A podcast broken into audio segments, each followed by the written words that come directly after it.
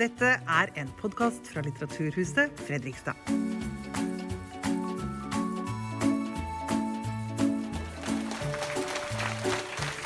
Ja, kjære alle sammen. Hjertelig velkommen eh, tilbake hit til Litteraturhuset Fredrikstad. Jeg heter Roy Andersen, og jeg er daglig leder her. Veldig fint å se så mange mennesker, spesielt unge mennesker, da, eh, her på huset. Eh, Det vi skal snakke om i dag, er eh, dyr. Eh, Mennesker har jo forholdt seg til dyr fra vi ble til mennesker, og fra vi var dyr. Strengt tatt så er vi jo et dyr selv. Og, men likevel så har det vel oppstått en slags kløft da, mellom oss og de andre dyra. Eh, kanskje, vi ikke, kanskje ikke vi er en del av naturen selv lenger. Vi har på mange måter hevet oss litt over den. eh, og hele siden jordbruksrevolusjonen så har vi holdt dyr fanga og brukt dem til mat, arbeid og ja, noen ganger kos. Men det har jo skjedd noe de siste tiåra. da. for i dag så lever jo hundrevis av millioner dyr eh, under forhold som vi aldri i vår villeste fantasi kunne tenkt oss å utsette våre egne for. Så hvilket liv lever de, disse dyrene? Hvilke rettigheter har de? Og hvilke rettigheter burde de hatt? Og er det ikke bare et dyr, bare et dyr, slik vi fortsatt sier? Eller vil vi kanskje om 50 år eller lenger se tilbake på denne tiden her som vår tids holocaust, slik nobelprisvinneren i litteratur Isak Singer mener? Så vil dette bli vårt ettermæle? Debatten om menneskers forhold til dyr, også juridisk og filosofisk, ligger an til å bli et av vår, vår tids viktigste samtaler. Det skrives flere og flere bøker om dette nå. Og mange finner seg ikke lenger i at vi behandler naturen og dyra på den måten som vi gjør i dag, for å skaffe oss mat. Derfor så har vi tenkt at det var på høy tid å løfte dette temaet også her på Litteraturhuset Fredrikstad. Eh, også fordi det har kommet eh, flere aktuelle bøker om dette i høst. Noe f.eks. Morgenbladet har viet eh, stor spalteplass. En av dem som har skrevet om dette, det er Kristoffer Hatteland eh, Endresen. Eh, Endresen han har bakgrunn historiker og lektor. Og boka 'Litt som oss', en fortelling om grisen, det er hans første bok. Eh, For å komme til bunns i grisens vesen og mysterier så har han eh, røktet et helt grisekull fra fødsel til slakt på Jæren. Og det har blitt en fascinerende fortelling om appetitt og aversjon og mat og moral. Og om et spørsmål som har hjemsøkt oss, hjemsøkt oss gjennom alle tider. Hvor går egentlig skillet mellom mennesker og dyr? En eh, annen som virkelig kan mye om dyr og livet her på jorda, det er Dag O. Hessen. Han er professor i biologi ved Universitetet i Oslo. Eh, Han har skrevet en lang rekke vitenskapelige artikler om økologi og evolusjon, og populærvitenskapelige bøker om evolusjon og biologi og miljø. Og ikke minst om dette skjæringsfeltet da, som er mellom biologi og filosofi. Og så har hun vunnet en rekke priser, både som forsker, samfunnsdebattant og forfatter. Og Sist, men ikke minst, så har vi journalisten som har løftet dette temaet fram må vi kunne si, gjennom flere artikler i Morgenbladet i høst.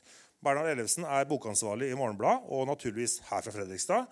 Og det er Bernhard som skal lede samtalen, så velkommen på scenen, alle tre.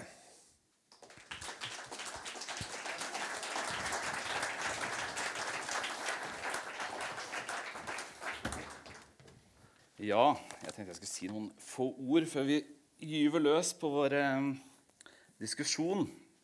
Eh, målt i vekt utgjør menneskene og husdyrene våre nå 96% av verdens pattedyr. De ville dyrene utgjør bare 4% 70% av alle fugler er fjærkre som fødes og lever og dør for at vi skal spise dem. Siden 1970 har vi utslettet 60% av de ville dyrepopulasjonene. På et enkelt år slakter vi halvannen milliard griser til kjøttproduksjon på verdensbasis. Det samme tallet for kyllinger er 50 milliarder. Siden filosofen René Descartes for snaue 400 år siden slo fast at dyr ikke kan tenke eller føle at de er rene maskiner, har vi lært mye. Darwin var kanskje den som lærte oss mest. Av hans teori om artenes opprinnelse følger det at også vi er dyr. Og at det vi har til felles med andre arter, er langt mer betydningsfullt enn det som skiller oss. Like fullt har årene etter Darwin inneholdt en lidelse for og ødeleggelse av dyrene som selv ikke Descartes kunne ha forestilt seg. Parallelt med at vi har forstått mer og mer om hvor lite maskinaktige dyrene er, har vi i stadig større grad plassert dem inn i et industrielt maskineri hvor omfanget er like ubegripelig som metodene. 50 milliarder kyllinger i året. Hva innebærer det å betrakte dyr uh, når, som essayisten John Berger skrev om nettopp dette spørsmålet i 1977 sitat, Enhver tradisjon som tidligere har forbundet menneske og natur, er ødelagt. Hvordan skal vi forstå dem? Hva slags dyr er vi selv som behandler andre skapninger slik? Dette har vi tenkt til å snakke om litt av i eh, kveld. Jeg lurte på om vi kunne begynne hos deg, eh, Dag. Eh, her antyder jeg jo liksom at det er en slags motsetning mellom utviklinga i det vi har lært om dyr, og i måten vi har eh, behandla det på. Jeg tenkte liksom vi kunne prøve å ha, si, legge ut som et premiss da. Hva, hva et dyr er for noe.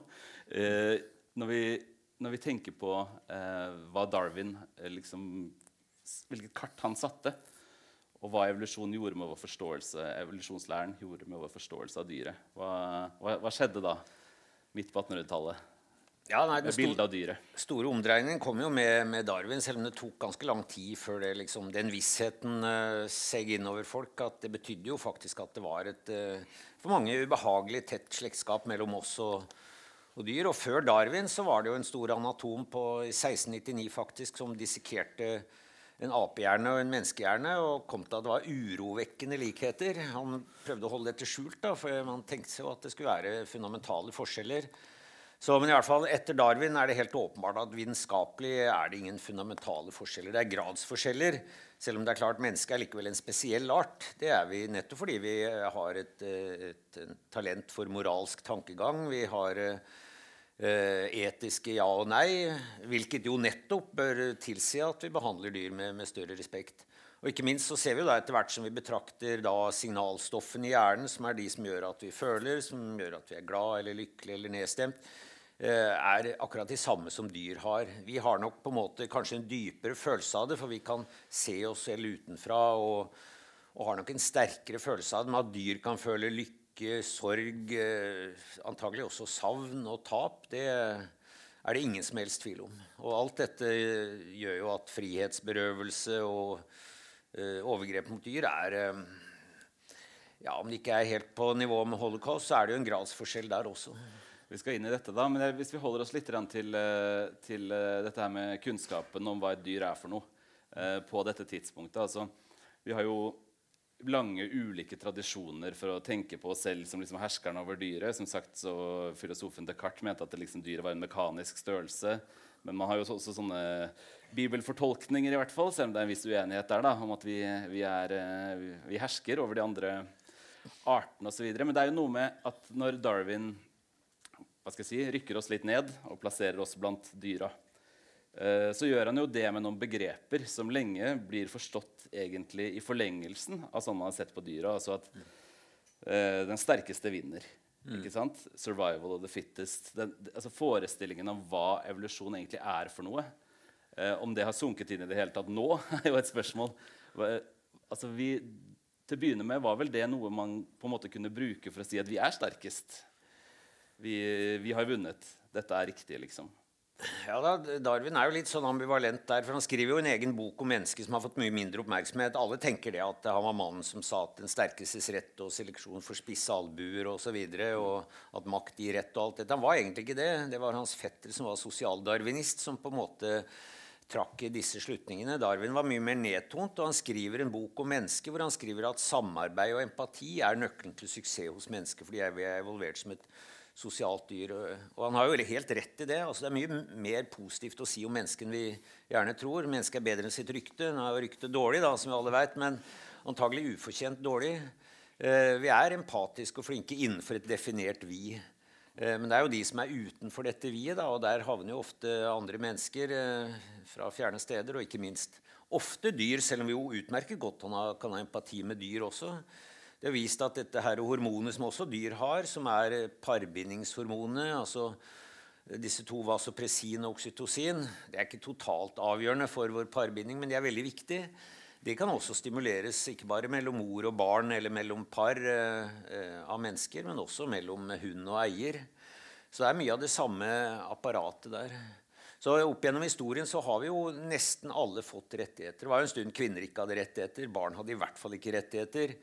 Eh, dyr hadde jo absolutt ikke rettigheter. Men etter hvert har eh, alle kategorier som vi i dag syns selvfølgelig det er klart de skal ha rettigheter, fått rettigheter. Enten det er seksuelle legninger, kjønn, alder, funksjonshemning eller hva det er. Og i noen grad også dyra. Så jeg er jo ikke helt med på at alt har gått feil retning, men samtidig har vi dette at vi blir flere, vi trenger masse mer mat, og alle vil spise mer kjøtt, og vi får dette industrielle husdyrholdet.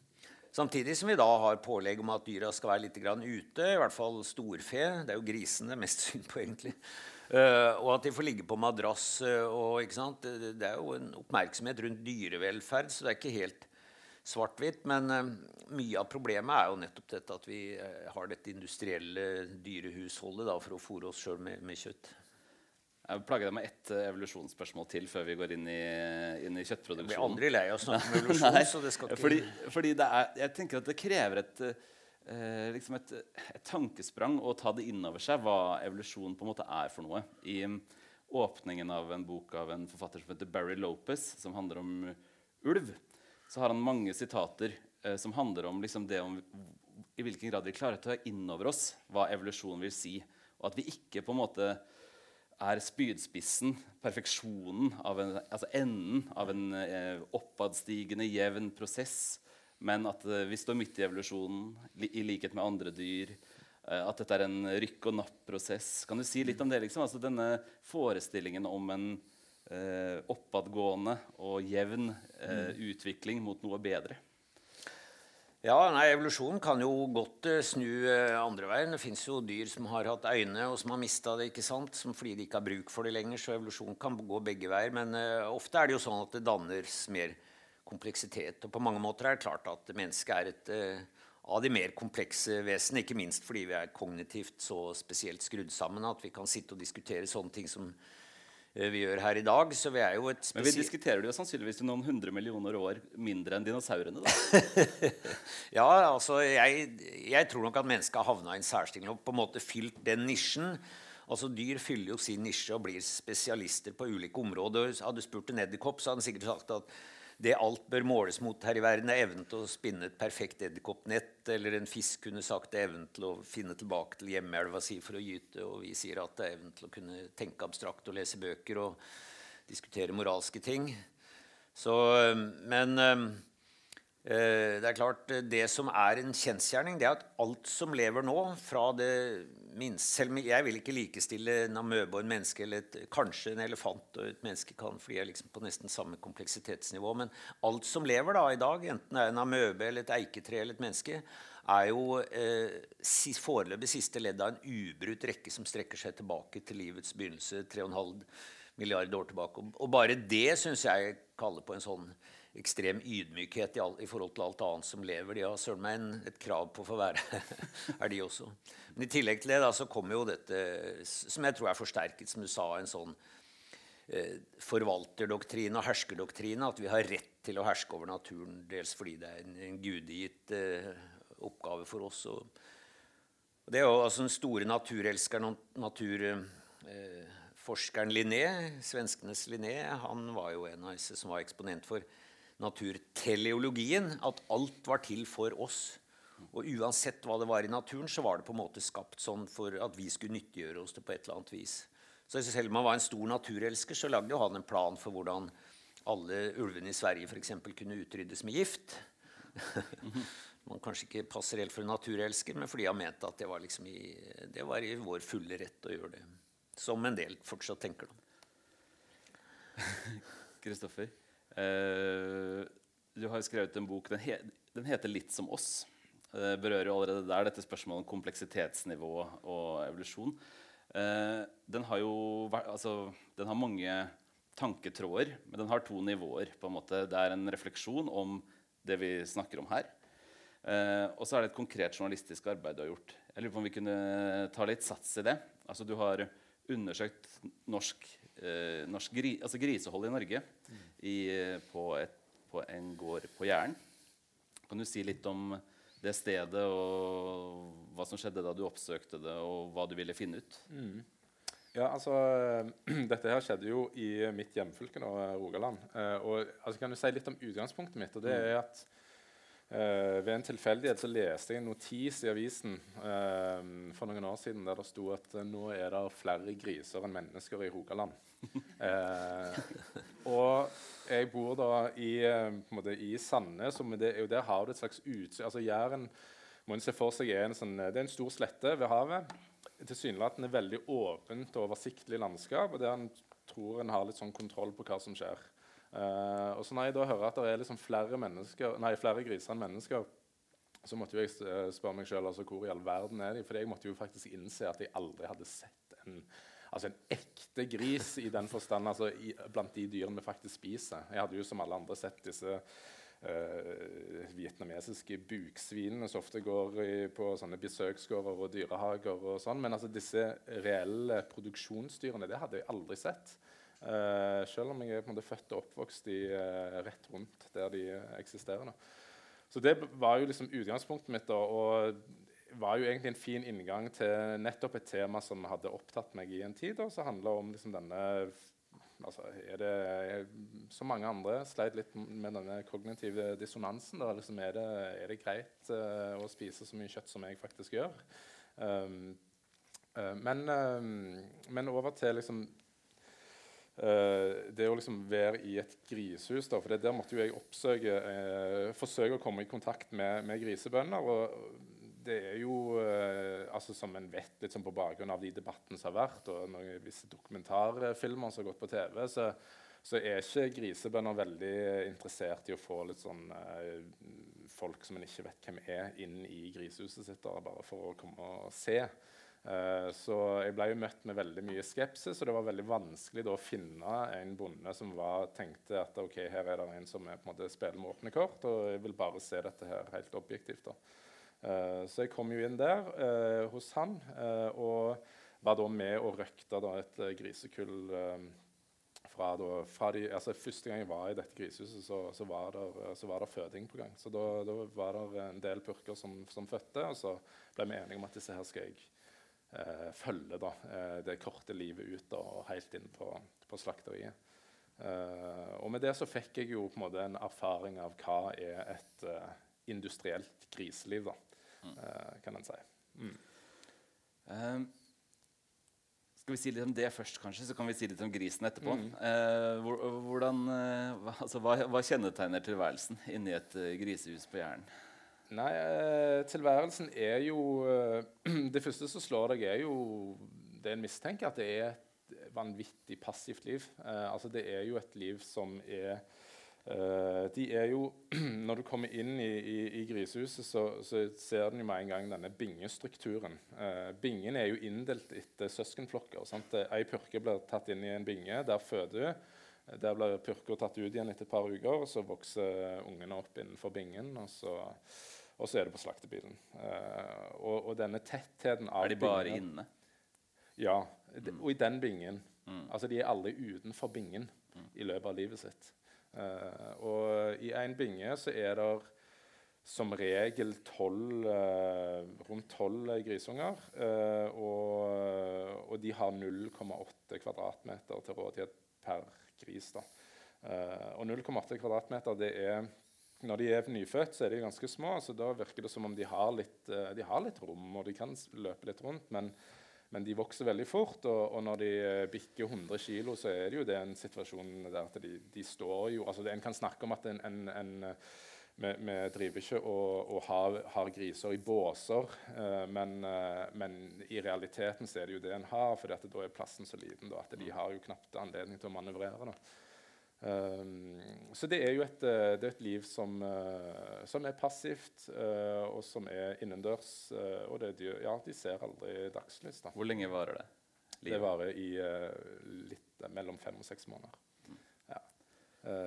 Og da har det gått fra, fra noen hundre gram til, til 110 kilo. Ja. Og um, altså når man leser boka di, så får man uh, et uh, helt sympatisk inntrykk av denne bonden. Alt virker å være på stell, og alle rutiner virker å være i henhold til gjeldende regler. Eh, arbeidet virker å være utført i beste mening. Det fremstår i det hele tatt som liksom, industrielt dyrehold i verdensklasse. Mm. Uh, stemmer det? Ja, det tror jeg nok det var òg. det var en som, som, hadde en viss sånn stolthet i yrket sitt. Og, og det, var, altså, det, altså, det, er noe, altså, det, er jo ikke hvem som helst som, som ville slippe meg inn heller. ikke sant? Og når han var villig til å slippe inn en, en fyr som sier jeg skal skrive en bok om gris, uh, så, så, er jo det selvfølgelig en person som er trygg på at han har en praksis som kan forsvares. Mm. Uh, og, og, det er klart Jeg hadde jo lest meg litt opp på reglement og sånne ting, og så jo litt etter er det avvik og sånn, men det var, altså, det var, et, det var et, ærlig arbeid. da. Uh, og jeg har ingen uh, det har, er viktig for meg å understreke at det, det, er en person som jeg har mye både respekt og sympati for han, og en, en, en god mann. Uh, men Det er et veldig viktig poeng i boka. At dette er ikke ja. en, en, bok som liksom avslører noe avvik Nei. eller noe grove brudd Nei. på regler. Eller, det, det, er ikke, det, er ikke, poenget i det hele tatt. Det er snarere tvert imot. At dette er liksom under de beste forhold ser ja, og jeg, jeg, tenker Det som er et viktig, altså kan du si, det som er mitt funn, mer enn det som eh, blir et sånn et Brennpunkt-dokumentarfunn, er jo at, uh, er jo opplevelsen. fordi at, altså, Jeg gikk jo inn i dette grisehuset litt sånn på røkterens premisser. Jeg ønska å, å, å, stelle grisene som en helt ordinær griserøkter. Var der jevnlig i grisehuset og gjorde alle de ordinære oppgavene. Og Det som jeg trodde på forhånd, var jo at det, Um, og ønsket jo egentlig var jo å komme nær dyret. For her skulle jeg skrive grisens historie og prøve å liksom bore inn liksom, i hjernen og forstå hva, hva tenker og føler en gris, og, og liksom gi liksom, den ultimate fortellingen om grisen. Og jeg ønsket jo å komme nær, nær dyret og, og, lære det å kjenne. Men, men, veldig raskt så innså jeg jo da at uh, egentlig så er jo dette arbeidet her virker jo egentlig helt mot sin hensikt. fordi at det som skjer når du jobber i et grisehus med den tettheten av dyr Dette her er en helt, sånn, helt ordinær størrelse. De produserer 1000 slaktegriser i året. Mm. Uh, det er jo at det, dyrene istedenfor at det blir enkeltindivider, så blir det en rosa, organisk masse som du manøvrerer deg rundt for å utføre liksom, et kroppsarbeid. Uh, og Grisehuset er ikke et godt sted å være, fordi det er dårlig luft, og det lukter fælt, uh, og det er litt sånn hardt arbeid. Så du skal inn, gjøre jobben din, og så skal du ut. Uh, så på den måten så ble jo nettopp det altså sånn Individene forsvinner fullstendig. Da, ikke sant? Og, og, det er jo veldig dårlige forhold og forutsetninger et dyr har da, for å bli behandla med en slags respekt og bli sett altså både med tanke på hvis det er visse lidelser iblant. ikke sant? Når du ser ned i denne bingen som er på en måte tett av rosa hud, så er det òg altså Det er vanskelig å få øye på, på, skader, og det er vanskelig å få øye på det ene og det andre. Så det, så det er klart at det er et system som er rigga for, uh, for at uh, for mye lidelse slipper igjennom. Uh, det er litt det som jeg endte opp med å erkjenne da, til slutt. Dag, du har sikkert uh, betrakta mange dyr på, på nært hold. Har du, har du, vært inne i et grisehus av denne typen f.eks.? Uh, eh, ja, jeg har vært i den typen. Altså, jeg, min far han vokste opp på et sånt typisk sånn kombinasjonsbruk på Vestlandet, på ei der. Hessa, der er navnet. Så, og de hadde gris. De slutta med husdyrhold før jeg ble gammel nok til å se det. Men det var altså de hadde fem griser og fem kyr. Alle gikk ute. Det var vel så lykkelig som en gris kan være, tenker jeg. Og det var jo sånt, eh, det motsatte av dette industrielle husholdet. De bytta dyr når de skulle slakte med naboens, de slapp å slakte sine egne. Men eh, det var vel griser som levde så godt som en gris kan leve uten å være et villsvin.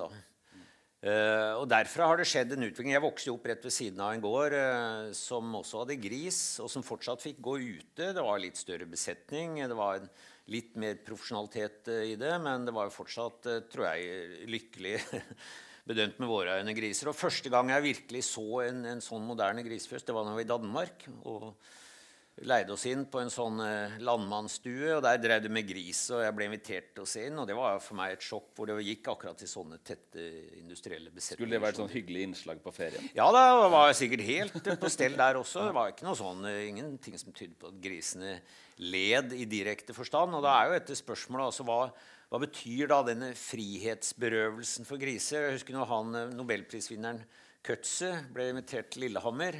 Det var jo en stor størrelse. Han har satt ett Eh, en betingelse for å komme til Lillehammer og snakke om litteraturen sin, og det var at vi også arrangerte en debatt om dyrevelferd, som han brant veldig for.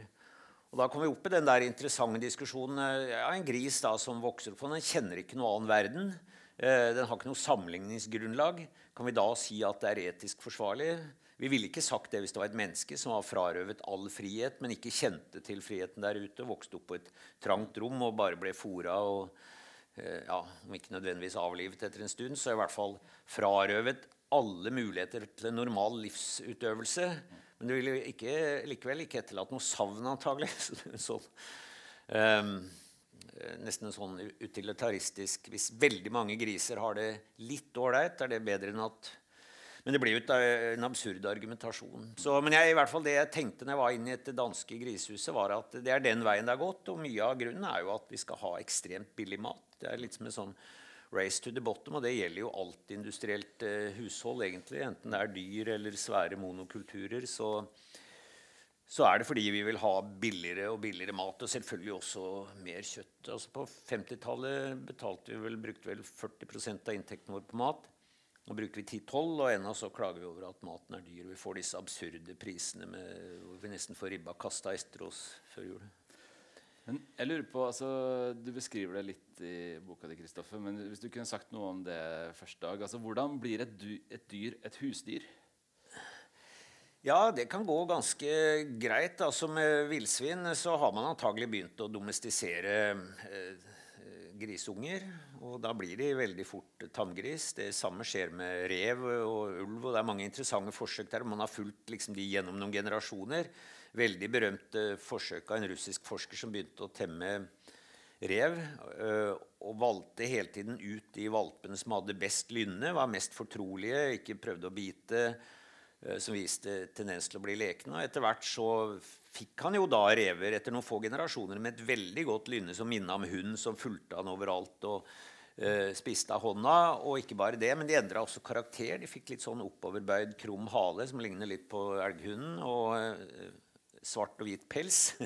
Mange sånn kobla gener som da eh, var assosiert med, med dette tamhetstrekkene eh, hos eh, hunden. Og Det samme er det helt klart hos gris. Og vi ser jo hvis grisene slippes ut, så reverterer de ganske raskt til noe som minner om, eh, om villsvin. Hvor, lang, hvor, lang er liksom husdyrets historie før, altså før 1950? da? Hvis vi tenker oss litt sånn Før industrien kommer inn i bildet, så kan vi eh, si litt om biologien i det etterpå. Kristoffer. Men hvis vi tenker på den altså Når begynner det, og hva skjer med dyret liksom fra så og så mange tusen år tilbake og fram til 1950, når de liksom blir husdyr i dag? Altså ja, altså det som eh, Vi begynte jo med husdyr første, For mer enn 30 000 år siden begynte vi å temme ulv. Mm. Eller ulven holdt seg til oss, det er jo vanskelig å si. Det i seg selv er jo interessant. Det er veldig interessant. Det kan godt være at uh, ulver begynte å holde seg tett til mennesker, for der var mat og beskyttelse. Men i alle fall for rundt uh, 8000-10 000 år siden så begynte vi jo i større skala da, i Midtøsten å holde husdyr. Geiter og sauer. Uh, griser kommer nok noe seinere. Men jeg eh, tror det som har skjedd eh, Og så tror jeg det var flere tusen år hvor husdyra var eh, ganske robuste. og De var ute, og de levde litt sånn antagelig sånn som gården hvor far min kommer fra. Og så begynte det industrielle husdyrholdet, hvor vi får kyllinger som fôres opp. Hvor vi får et veldig sånn sterkt seleksjonsregime på rask vekst. Eh, hvor de vokser så fort at de ikke klarer å stå lenger. og Litt av det samme har det jo vært med griser også. Jeg tror man kanskje har gått litt tilbake, da, for man ønsker jo ikke så feite griser lenger. men i hvert fall eh, fra 40-50-tallet så har det skjedd liksom en sånn ny Sånn som jeg oppfatter det, i hvert fall en ny eh, skrue på dette kappløpet for å få rask produksjon av kjøtt og mat. Og så får vi også kraftfôr kommer jo for fullt. ikke sant? Eh, en ku melker jo nå over 7000 liter i løpet av et år, mot for noen år siden kanskje 2000 liter. Og produserer mer kjøtt. Og det er fordi den ligger rolig og fôres med kraftfôr. Skal vi si litt om grisen du møtte, Kristoffer? Du, du, Du går også tilbake i historien og ser på denne akselerasjonen i det industrielle. Uh, hva slags dyr er det som ligger der i det grisehuset på Jæren?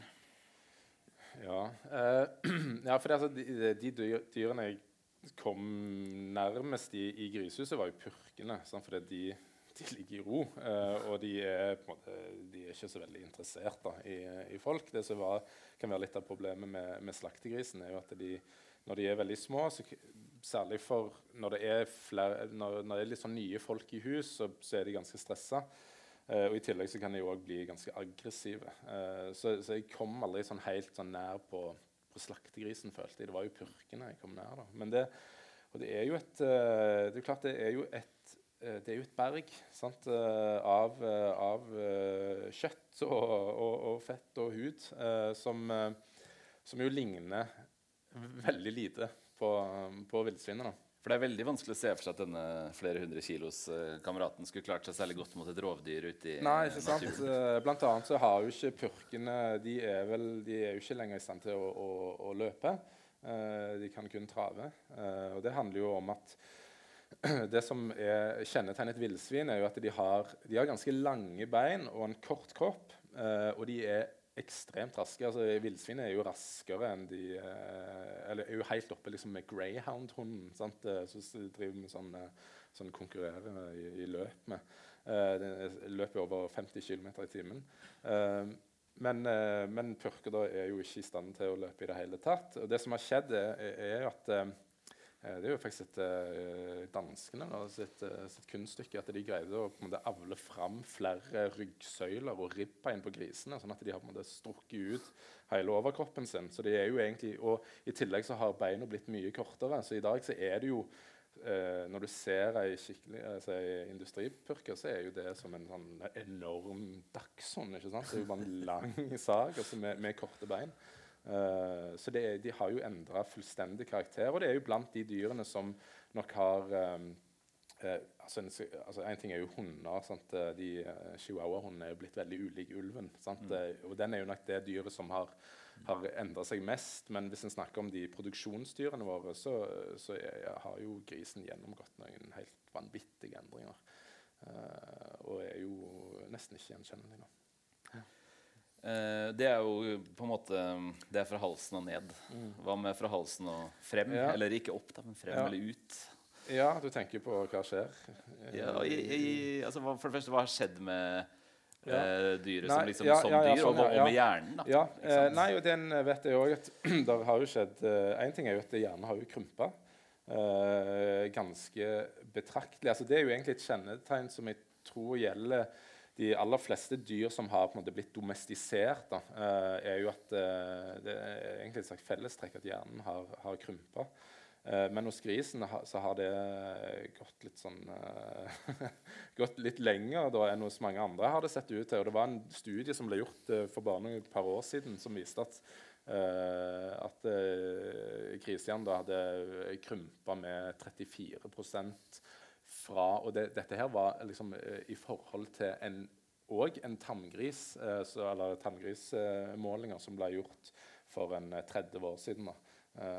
så det har jo akkurat nå òg de siste tiårene så liksom, har, det, har, vi fortsatt å, å endre måte, fysiologien da, til, til, dyrene ganske dramatisk. Mm. Hva betyr det, liksom? At hjernen krymper og kroppen vokser? Ja, det blir, altså, det blir, jo sedate, dumme dyr som blir man kan si, På en måte kan det jo være bra da, hvis man tenker veldig kynisk på det, for da føler de ikke den, det har de ikke det savnet som de kunne hatt. Eh, livsgleden. De er på en måte lobotomert da, gjennom avl eh, til å bli sløve og sedate og bare ligge der. Men eh, det er klart, det er jo det er jo en dypt etisk problem. Og jeg tenker nok at gris er på mange måter verre. altså Drøvtyggere er nok fra naturens side mindre kognitivt utrusta enn en gris. En gris er i utgangspunktet et smart dyr eh, med stor evne til å eh, Et stort følelsesregister, helt åpenbart, og som har glede som de fleste dyr. Da, av, Hvordan vet man det? Ja, det er det, da. Eh, Men, sånn, hvordan, hvordan aner man det? ja, Man aner det ved å se på atferden. er Akkurat som man kan skjønne når kuene i hvert fall før ble sluppet ut av fjøset om våren, så ser du at de er umiskjennelig glad og fornøyd. Det er deilig å komme ut. Eh, akkurat som hunden er umiskjennelig glad når du kommer hjem til den. Katten viser kanskje ikke det samme, men eh, Nei, det blir jo en eh, Jo da, det gjør den. Det er bare sånn. det kan katte, kattelaget si. At, Ja, jo, ja, de som kan katt, eh, kjenner sikkert igjen det der også. Nei. Det er fordi den er kynisk og mat. vet du, man den bare smisker. ja. Nei, altså, det er klart Man kan ikke vite det på noen annen måte, siden man nå engang ikke kan intervjue dyrene om hva de tenker og føler. Og også fordi at det er vanskelig å sammenligne, med en gris sånn som den ville vært i sin naturtilstand, eller før den ble tamgris. Eh, Men man kan måle det på nivåer av hjernehormoner og se på, eller signalstoffer da, og se på når dyret er nedstemt, eh, har, er innestengt. eh, Og i forhold til når det er ute og løper, så ser du jo at hormonet hormonene svinger i takt med det man ville forvente. Akkurat som hvis vi er innestengt eh, og frarøvet friheten, så, så synker de fleste lykkehormoner hos oss også. Dere har begge vært innom at, uh, at uh, grisen er et dyr som kanskje i særlig grad er liksom, ja, et, har et register. da. Boka di heter 'Litt som oss'. Eh, det er jo også en del i historien om grisen som gjør det til en et, Det er ikke en metafor, men det blir i hvert fall et ekstra talende eksempel på hva vi gjør med dyr. Kan du si litt om det? Altså historien på hvordan vi har på en måte funnet trekk ved grisen som ligner, er litt som oss, da. Ja, Øh, nei, altså eh, Det viktigste bunner jo egentlig i noe som, ehm, som strekker seg veldig langt tilbake i tid. som handler om at uh, vi begge er, altså, er definert som altetere. sant? Uh, griser og, og mennesker er jo Altså, i motsetning til, til mm, til sauer og kyr, da, sant, som er planteetere og drøvtyggere, så har du, så har du mennesker og, og griser som er altetere. Og det, og det har en ganske sånn, det har en sånn store følger. da, fordi at Én ting er jo at det får jo eh, konsekvenser for hvordan vi er organisert innvendig i anatomien vår. Det har jo igjen gjort at grisen har blitt et, eh, et, eh, mye brukt eh, en modell da, for menneskekroppen i medisinfaget. Uh, I tillegg så, så har det noe å si for hvordan eh, Kan en tenke for litt hvordan hjernene våre òg fungerer. fordi at eh, en, eh, en alteter eh, det er typisk, altså Hvis en ser på alteterdyr, uh, så har du eh, griser, du har rotter, f.eks. kråkefugler. Eh, det som er typisk for alteterne, er jo at de eh, scorer veldig bra på intelligenstester. Sant? Og det har han jo begynt å gjøre en del av da, i sånn, biologisk atferdsforskning. eh, Teste problemløsning osv. hos dyr, og der kommer grisen veldig godt ut. Eh, og så kan en trekke det litt sånn tilbake til altså, hvordan er det grisen finner maten sin. Jo, den er eh, For at en alteter skal få tak i mat, så, eh, så må en være god på problemløsning. Eh, altså, en kan tenke seg at eh, og, det, og der skiller en litt sånn i, i dyreriken kan en si at en kan skille mellom altetere, eller det en kan, kan, kan kalle generalister, altså som finner næring i all slags nisjer eh, og sånn. Eh, og så har du spesialistene, som kan være rene planteetere eller drøvtyggere, eller rene rovdyr, da, som mye sånn, har mye snev og nisje som en liksom forholder seg til for å rett og slett bare overleve og, og få mat. Eh, og det har jo gjort noe med liksom, at en har liksom, et spekter da, i, i eh, kan en tenke da, i hodet og i hjernen og måten en orienterer seg i verden på. Eh, og I tillegg så er jo grisen også et flokkdyr. Eh.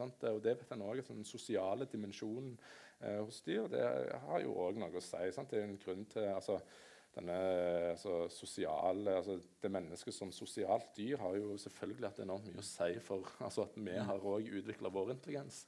Eh, og det er klart at det kan en òg kan trekke inn med, med, med griser eller eh, andre dyr. Ja. Ja, nei, Sosialdyr er ofte smartere nettopp fordi de må holde rede på hverandre og være kognitivt utrusta også for å skille venn og fiende og sosial rangordning osv. Men eh, ja, det er helt åpenbart at uh, etter, nettopp fordi de må være opportunister og smarte og se muligheten der de byr seg, er noe helt annet enn en, en drøvtygger som er stort sett en spisemaskin med et enormt eh, apparat med mager og tarmer.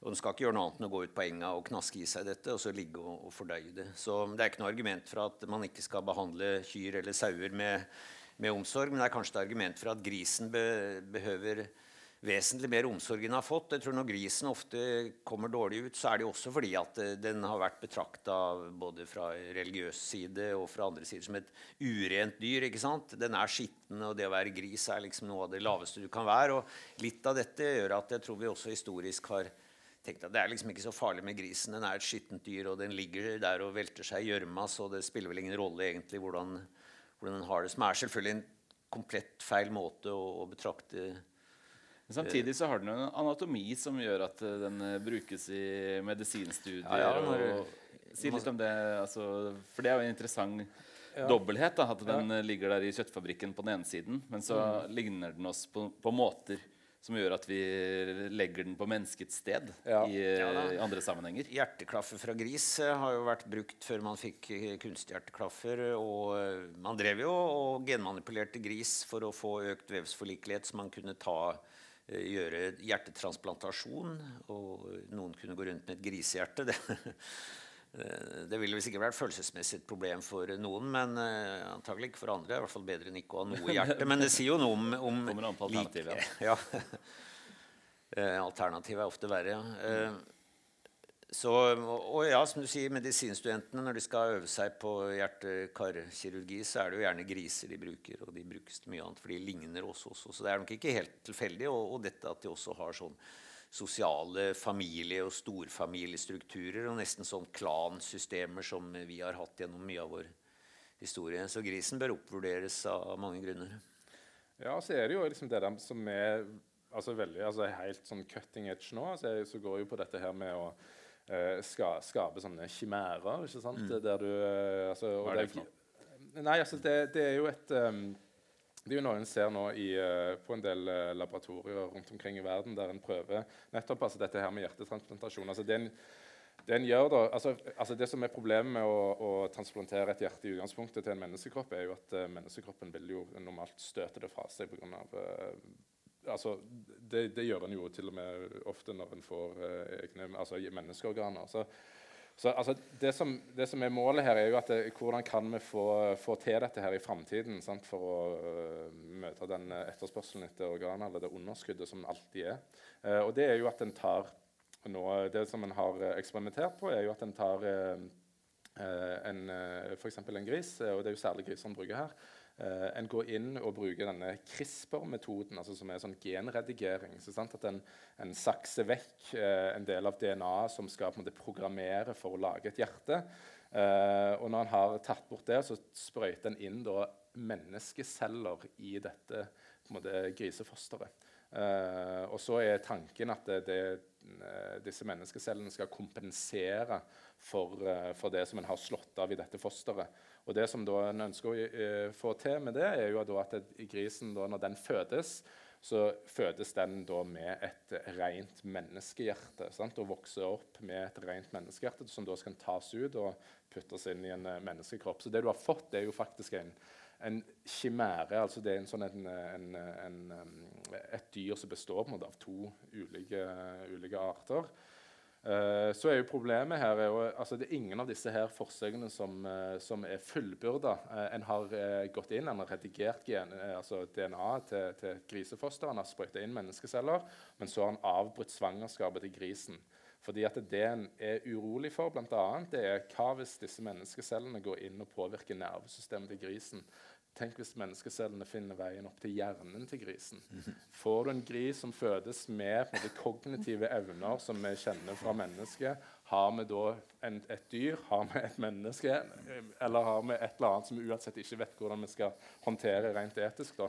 Uh, så um, Det høres ut som et slags Frankenstein-kompleks ja, ja, i spill. Ja, det er jo interessant her at liksom, den etiske bekymringen har stort sett ligget på menneskesiden. Hvordan er det for oss å få med et grisehjerte? Mens vi da fritt kan gå inn her og genredigere grisen til, til vårt forgodtbefinnende. Så lenge da ikke vi tenker at den blir kognitivt endra. Vi brukte jo også lenge insulin fra bukspyttkjertelen hos gris, før vi da gjorde en annen, den første virkelig smarte genmanipulering, hvor vi satte inn det genet fra oss som koder for insulinproduksjon i en E. coli-bakterie, og fikk den til å produsere insulin for oss, som er det vi stort sett lager insulin, eh, den måten vi lager insulin på nå. Men før fikk man jo fra bukspyttkjertelen på gris.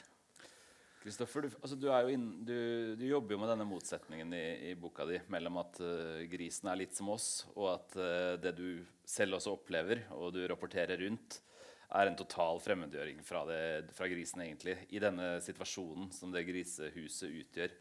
Um, du var så vidt innom det. Jeg lurer du kunne si litt mer om, om liksom, og litt mer overordna også, hva, hva, slags forhold vi får til det dyret som ligger der.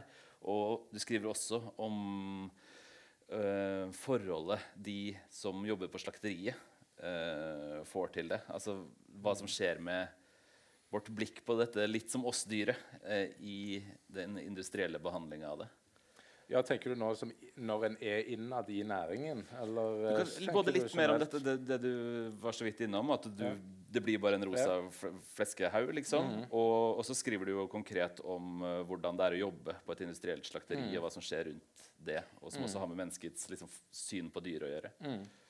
Nei, altså det er jo nettopp det. altså sånn... Uh, det blir veldig tydelig da at det, det, du egentlig har med å gjøre, det er jo ikke dyr. Det er egentlig noe annet. Sant? Fordi at det, Den måten en tenker på dyr, er jo gjerne sant? Jeg har jo hatt uh, hund i oppveksten og, og, og sånn, og, og, tenker på dyr som et eller annet vesen som jeg kan interagere med, eller et eller annet som lever fritt ute i naturen, som du ser på naturdokumentarer og sånn. Men når du er inne i en del av denne næringen og, og er, innser altså føler på kroppen hva det vil si at vi har gjort dyr til industri og til, til en vare.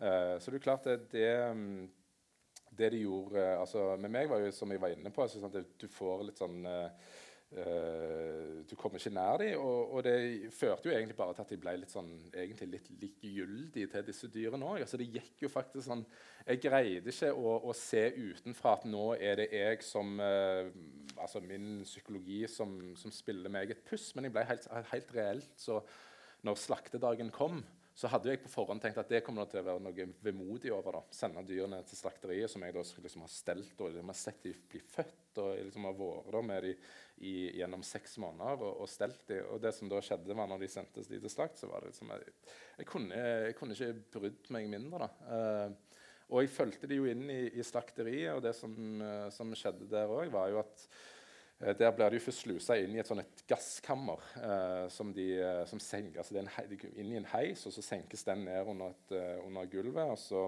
eh, kommer det inn konsentrert CO2, så de mm, besvimer. da. Eh, og kanskje de, noen av de dør, noen besvimer. Det vet du aldri.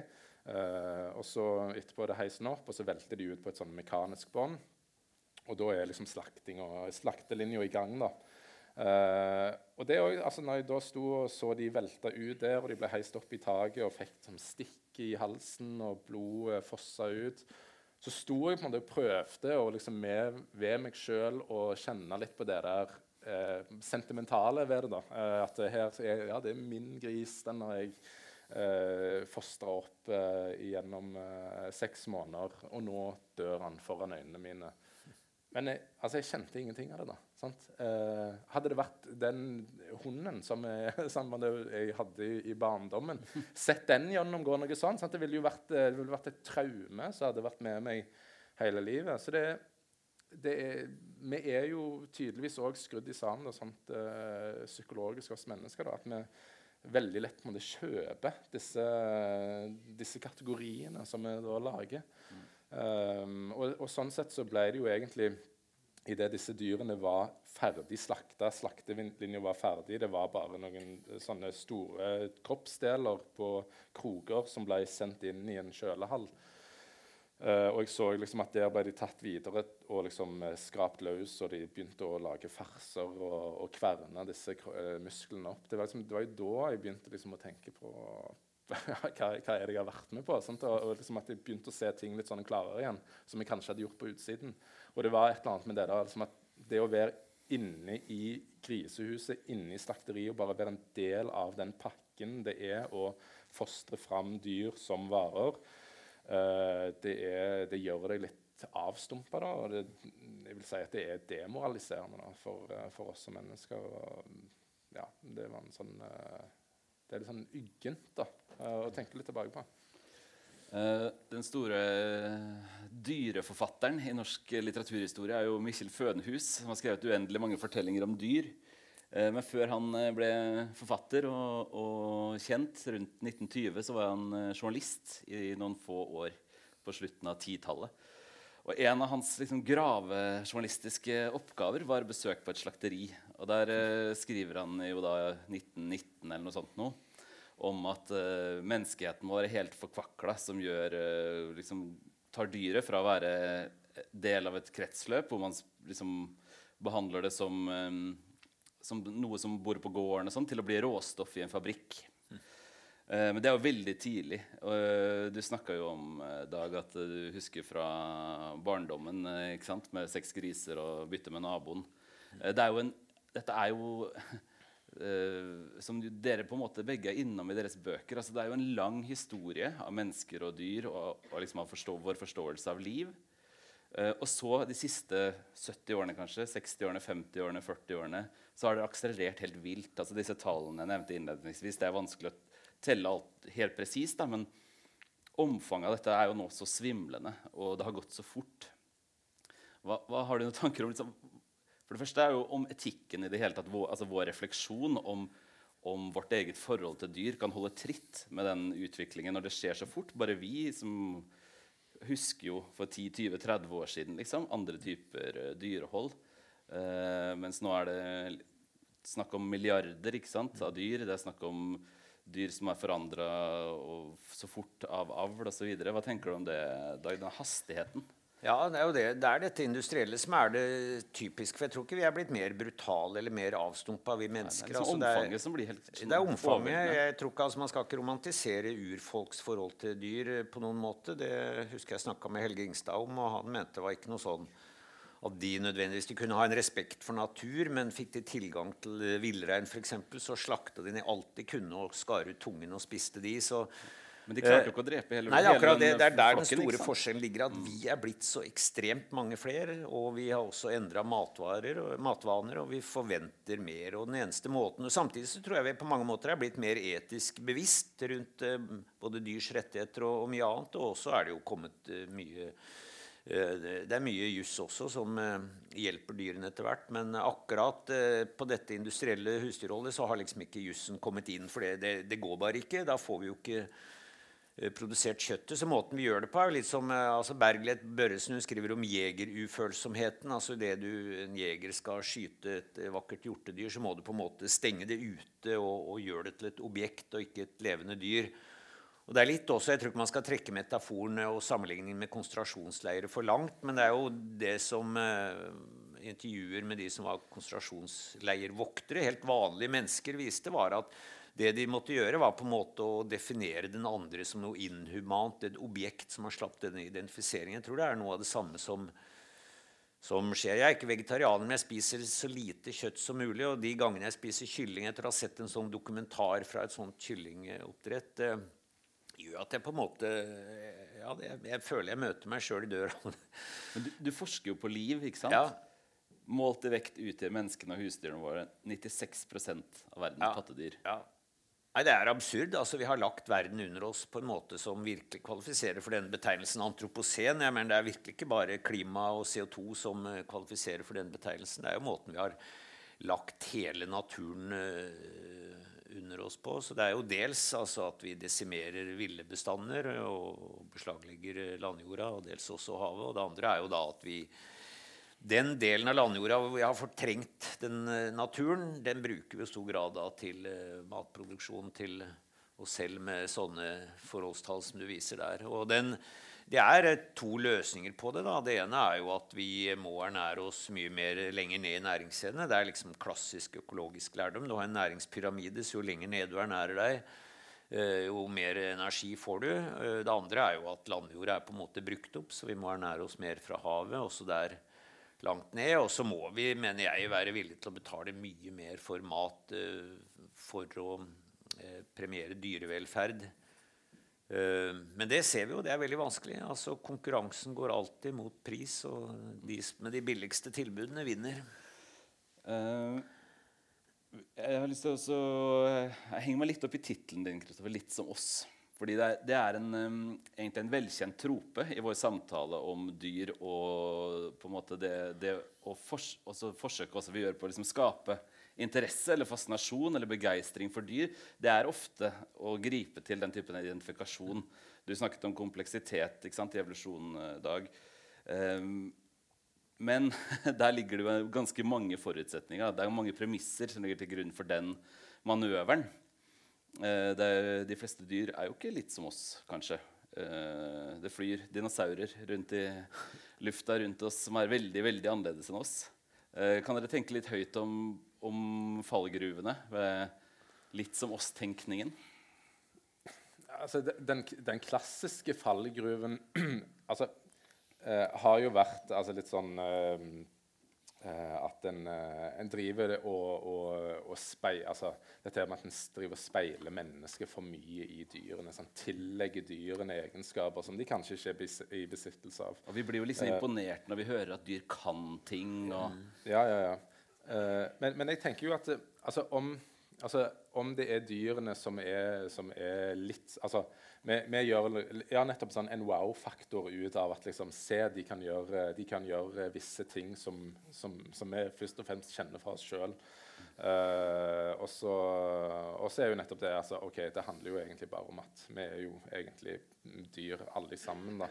Men, men dette her er jo egentlig et produkt av at vi har jo, uh, jeg syns Det er sånn en viktig uh, sånn historisk dimensjon her som er viktig å ha med. og det at altså Gjennom 1900-tallet eh, altså Vi var jo inne på Charles Darwin i stad, eh, som, eh, som, sa at om forskjellen mellom menneske og dyr det er først og fremst eh, måte gradsforskjeller. Det er ikke vesensforskjeller mellom oss.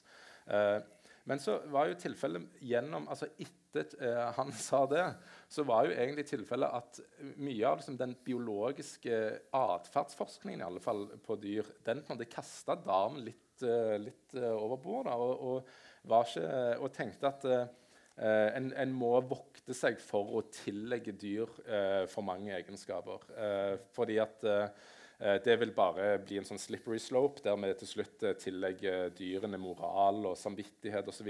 Som, som vi, vi, kanskje kan være enige om at det blir å dra det for langt.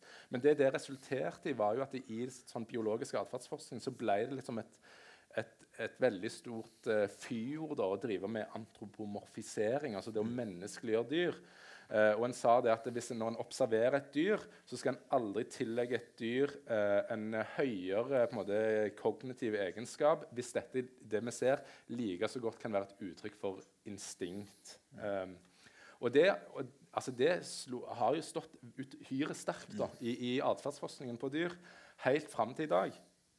Men så har vi nå siden egentlig bare seint på altså overgangen 90-tallet, 2000-tallet, så har det jo egentlig skjedd en revolusjon i måten en tenker om, om, dyr på. Og at en har innsett at det egentlig den der måten vi drev og bare tilla dyr primitive egenskaper og instinkter gjennom hele 1900-tallet, som sikkert mange i denne salen her er litt oppvokst med, eh, det, også, det, var òg et feilgrep. da. Og en innser nå at det Darwin snakker om den gangen tilbake på 1800-tallet, det er det mye mer i da, enn vi har gitt av en anerkjennelse for gjennom 1900-tallet. Og nå har vi jo igjen, og nå, nå har det på en måte blitt greit igjen å, å si at, eh, at, en hund faktisk er glad, uten at det er å menneskeliggjøre hunden. Fordi vi innser at de er faktisk i besittelse av emosjonelle uh, tilstander og egenskaper som, uh, som, tradisjonelt har vært menneskelige. Og, og det er jo litt som oss. Ja, det er jo et forsøk på å å vise dette her. Da, sant? At vi altså Det som er viktig her, er jo òg hva var det som skjedde i, på akkurat når bunnpunktet for denne, hva vi trodde om dyr. Sant? Det var jo rundt 1950-60-årene. Da var jo liksom sånn Eh, da, da tilla han dyr absolutt ingenting av, av menneskelige egenskaper. Og det var jo akkurat da vi fikk industrialiseringen av landbruket òg. Så det, det, var jo noe med at en hadde vitenskapen litt i ryggen da når en lagde disse nye fabrikkonstruksjonene for husdyrhold. Ja, det var jo på en måte basert på en slags eh, kartsiansk eh, Eller på arven etter Descartes at det kunne man gjøre fordi dyr var instinktet. Jeg er veldig enig i den beskrivelsen din at den eh, altså Hvis en hund var glad, eller en, eh, en, ku var glad når den slapp ut på beite, så måtte vi ikke legge våre tolkninger i det. Fordi det var bare en instinktiv følelse som kunne være noe helt annet. Sannsynligvis var det ikke den samme følelsen som vi hadde. Men i dag er det jo all grunn til å tro at det var det, for det er styrt av de samme signalstoffene som jeg sier. Og uten at signalstoffer er alt, så er det i hvert fall ganske viktig for, eh, for uh, følelsene. Så dyr er mer, mye mer like oss enn oss. Og selv om vi kan si at vi skal ikke normere alt mot mennesker og bli fascinert av dyr bare fordi de ligner på oss, så har det den fordelen at vi, vi, gjenkjenner glede når vi ser det, og vi gjenkjenner depresjon når vi ser det, og det gjør det lettere for oss å sette oss inn i dyras situasjon når de har det godt eller eh, dårlig, nettopp fordi at dette er følelser vi kan kjenne igjen, og tilstander som vi ønsker å unngå eller å, å tilstrebe. Men er ikke det likevel altså, um den, det, den, han jeg nevnte i stad, Barry Lopez, eh, han skrev jo denne boka om ulv i 76. Det var tidlig hans forfatterskap. Han døde i fjor. Det er jo, der, det er jo dette han jobber med. Altså, der er også sånn denne, litt som oss 2.0. altså mm. etter antropomorfiseringsproblematikken, men liksom mer inn i, inn i likheter som går begge veier, f.eks. Mm. osv. Men vi har jo snakket om at um, dyret, når de blir til milliarder, eller blir råstoff i fabrikken, så, så, blir det jo igjen sånn altså, I miljøverndiskusjoner så snakker man ofte skeptisk om karismatiske arter. Liksom, at det er det vi vil redde. ikke sant? De dør, dyra eller plantene som enten er søte eller vakre eller lette å sette på en plakat for, eller en, et nyhetsbrev fra WWF eller, eller, lignende. Men her er jo dyra, altså grisen, da, som er så nær oss, blitt helt ukarismatisk på en måte i fabrikken. Det hjelper oss jo ikke at, eh, at, dette er dyr som ligner oss, når vi ikke eh, klarer å se det der, selv om vi ser det på dette hyggelige lille sant, hårete grisen som løper rundt på besøksgården, eller det, det, det hjelper jo ikke grisen på fabrikken. Nei, men det er da vi må ty til uh, vår rasjonalitet. Da, at vi faktisk erkjenner at sånn er det. Selv om grisen ikke er lodden og søt og pusete og alt dette som umiddelbart appellerer til å ha kanskje ikke sånn søte foroverretta dådyrøyne som alltid appellerer til, til oss. Derfor dyrunger alltid kaller på omsorg, selv om den ikke har det ved seg. Skjønt den kan jo ha det, altså, hvis du ser etter.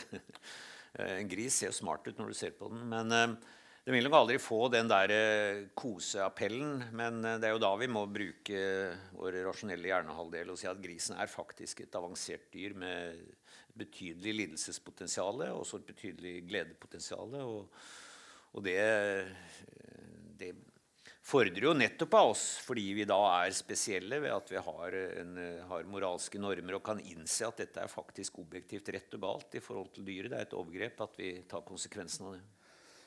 Ja, Det var det jeg tenkte vi skulle bruke de siste fem minuttene på. Som jeg jo, eh, kunne jo brukt et helgeseminar på. Eh, fordi um, På 70-tallet kom jo en forestilling om altså, rettigheter som jeg synes vi, vi, klarer ikke å uttømme det på noen måte, men synes vi skal ha det nevnt uh, på tampen her. Ideen om, om uh, dyrs rettigheter.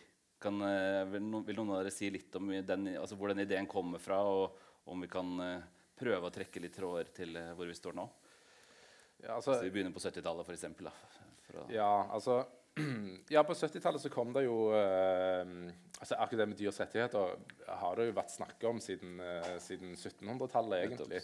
Men, men, men, sånn, ja, ikke etter, etter det, denne moderne gjennombruddet ja, akkurat denne diskusjonen. Men, det, det, altså det, det, som er, var jo veldig viktig eh, altså I 1975 så kom jo uh, verket 'Animal Liberation' av uh, Peter Singer. Moralfilosof som, som var veldig radikal. Da, eh, eh, og som eh, var en reaksjon altså Det som var spesielt med, med, med det han skrev i Animal Liberation, var, og det helt nye, det var at han var liksom ikke opptatt av det som en tidligere hadde vært opptatt av. Liksom at du skal, du skal, ikke piske hesten og, og pine katter. ikke sant? Han var opptatt av dyr som vare og dyr som næring. Og, det, altså dette nye industrilandbruket som han eh, observerte vokste fram.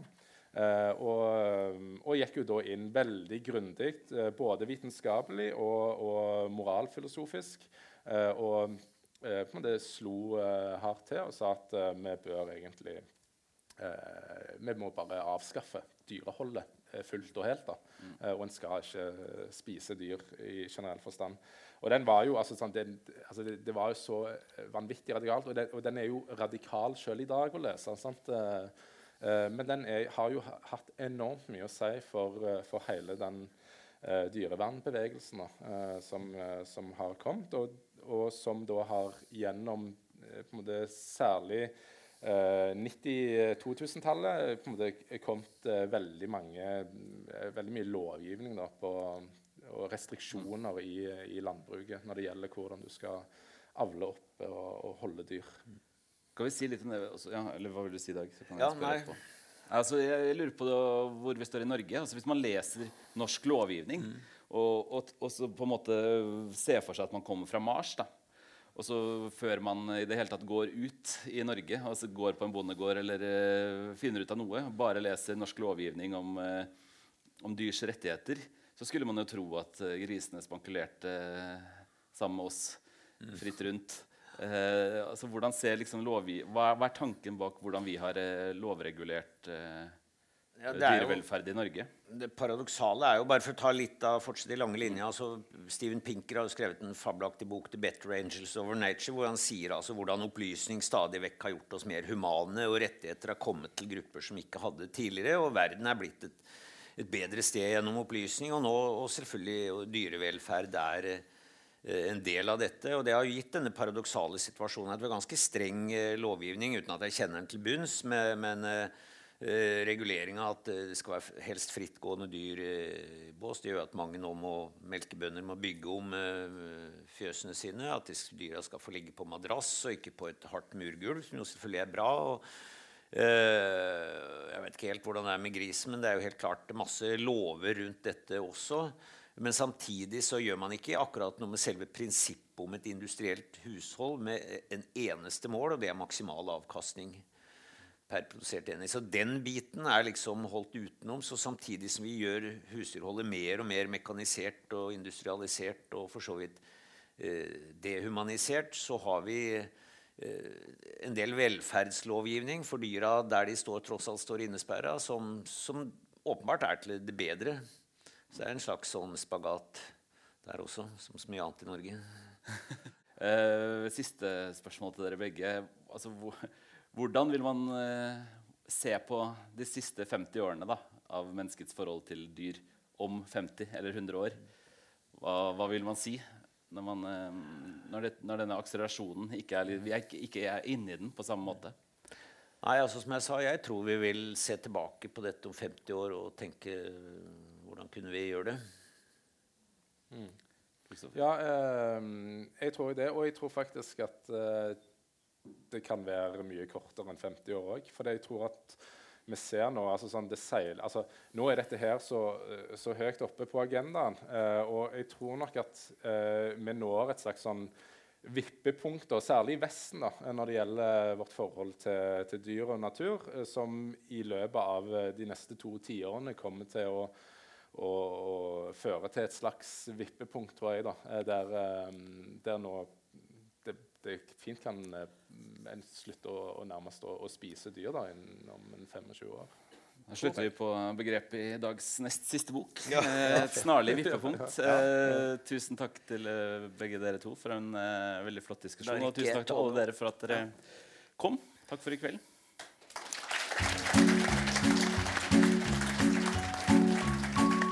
Du har hørt en podkast fra Litteraturhuset Fredrikstad. Vi er støttet av Kulturrådet, Fritt Ord Fredrikstad kommune, Fredriksborg eiendom, Viken fylkeskommune, Sparebank1 Østfold Akershus, Verksted AS, Fredrikstad Energi og Handelsbanken.